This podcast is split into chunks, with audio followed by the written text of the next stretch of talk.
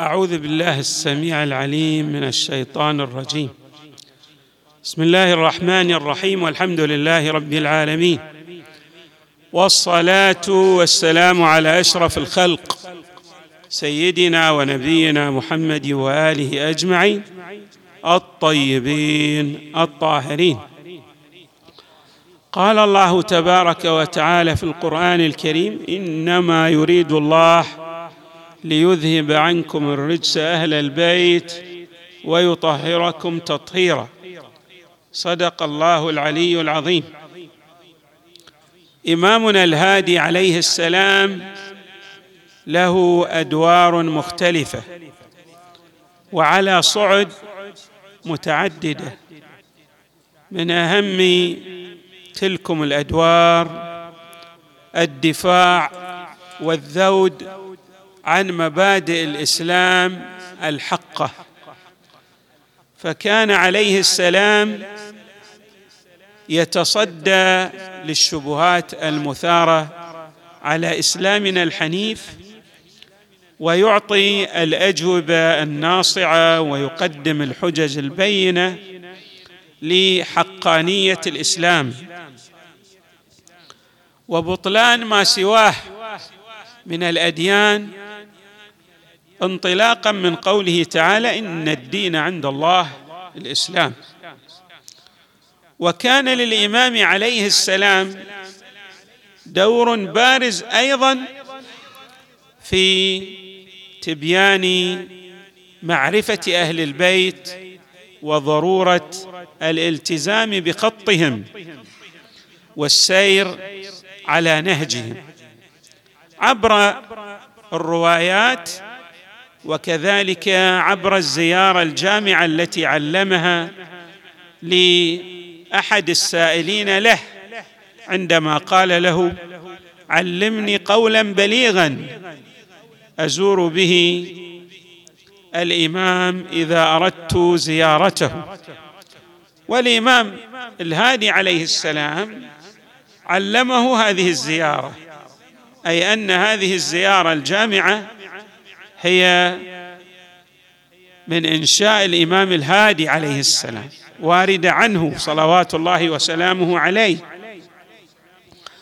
وهذه الزيارة مليئة بالمعارف بدءا من التوحيد وما يتعلق بالرسالة وكذلك أيضا في تبيان مقامات أهل البيت.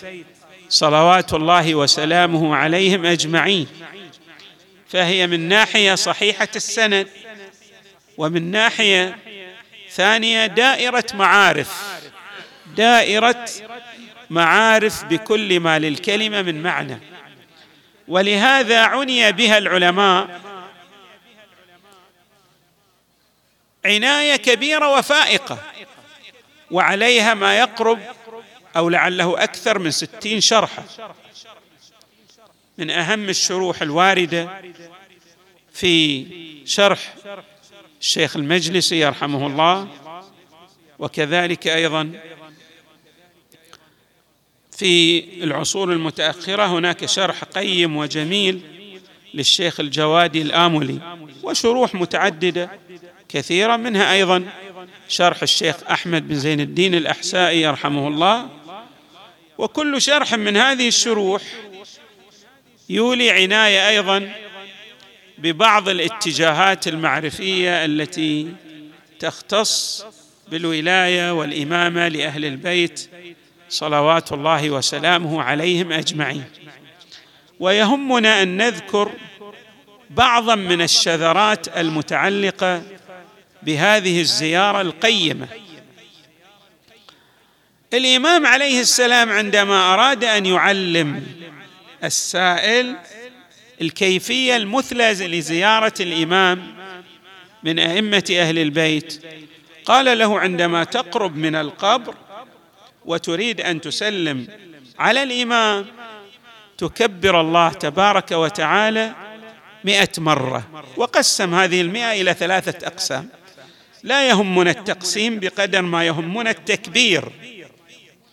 هذا التكبير فيه دلالات رمزية ومعان عميقة باعتبار أن هذه المقامات التي أعطي إياها الإمام المعصوم عندما نزوره إنما هي من عند الله تبارك وتعالى.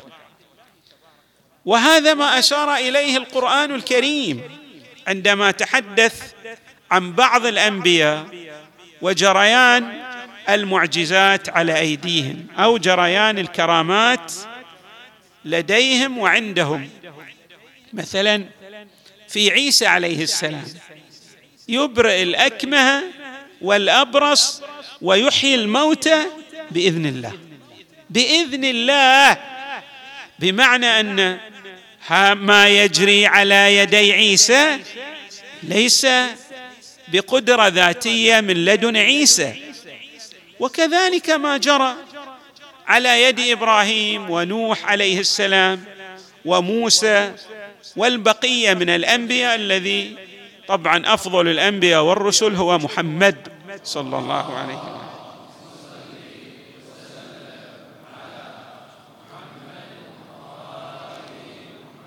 وما جرى على يديه من المعجزات صلى الله عليه وآله إنما هو بإذن من الله.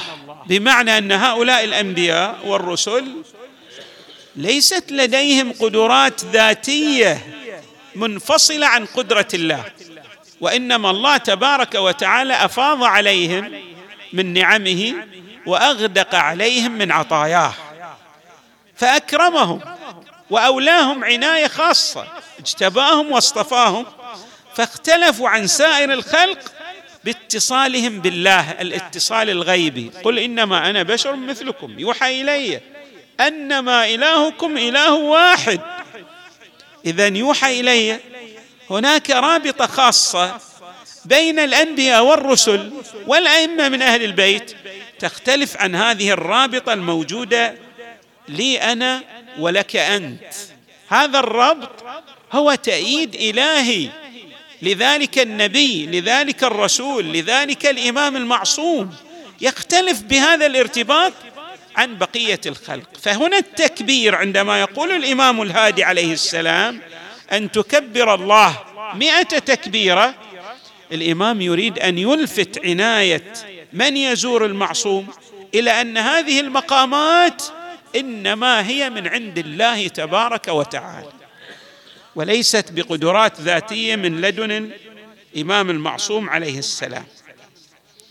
ولهذا نجد مثلا مقاطع متعددة من الزيارة الجامعة فيها إيحاءات بل دلالات واضحة لتبيان أن ما لديهم وما عندهم هو من عند الله تبارك وتعالى بعد أيضا بيان التوحيد. أشهد أن لا إله إلا الله وحده لا شريك له وأشهد أن محمدا عبده ورسوله أرسله بالهدى ودين الحق ليظهره على الدين كله. كل هذه المعاني والألفاظ واردة في الزيارة الجامعة. ولكن كل مقطع من مقاطع الزيارة الجامعة يبين حيثية. ونحتاج طبعا أن نبين في عدة مما يتعلق بمناسبات الأئمة عليهم السلام بعض المعاني الواردة في الزيارة الجامعة لأنها معان جد عميقه وحري بالمتبعين لأهل البيت أن يقفوا عند هذه المعاني وأن يجسدوا ما جاء في الزيارة الجامعة على ذواتهم. عندما نبدأ كما قلنا بعد التكبير والتكبير يدلل على معنيين بأنه لا يوجد أعظم من الله تبارك وتعالى. تكبير فيه معنيان فيه معنى تبيان العظمة للحق تبارك وتعالى وفيه معنى التسبيح أيضا تنزيه لله بأن هذه العظمة لا تليق إلا به ولا يشاركه أحد سواه. المقطع الأول كما نقرأ في الزيارة الجامعة السلام عليكم يا أهل بيت النبوة وموضع الرسالة ومختلف الملائكة ومهبط الوحي ومعدن الرحمة وخزان العلم ومنتهى الحلم وأصول الكرم وقادة الأمم وأولياء النعم وعناصر الأبرار ودعائم الأخيار. وما أروع هذا المقطع. هذا المقطع في الحقيقة يشرح لنا الآية التي استهللنا بها الحديث. إنما يريد الله ليذهب عنكم الرجس أهل البيت ويطهركم تطهيرا. فإذا لهم ميزة وهي الطهارة. لهم صلوات الله وسلامه عليهم أجمعين. فكانوا أهل بيت النبوة وهم موضع الرسالة ومختلف الملائكة. وروايات متعددة وردت في أصول الكافي وفي غيره. من مسفوراتنا تشير إلى هذا المقام السامق والعالي لهم صلوات الله وسلامه عليهم أجمعين. وهناك أيضا دلالات متعددة إن شاء الله سنشير إليها في مواردها تتعلق بهذه الزيارة القيمة. نسأل الله تعالى أن يجعلنا مع إمامنا الهادي صلوات الله وسلامه عليه ومع آبائه وأبنائه صلوات الله وسلامه عليهم أجمعين. والحمد لله رب العالمين. وصلى الله وسلم وزاد وبارك على سيدنا ونبينا محمد وآله أجمعين الطيبين الطاهرين.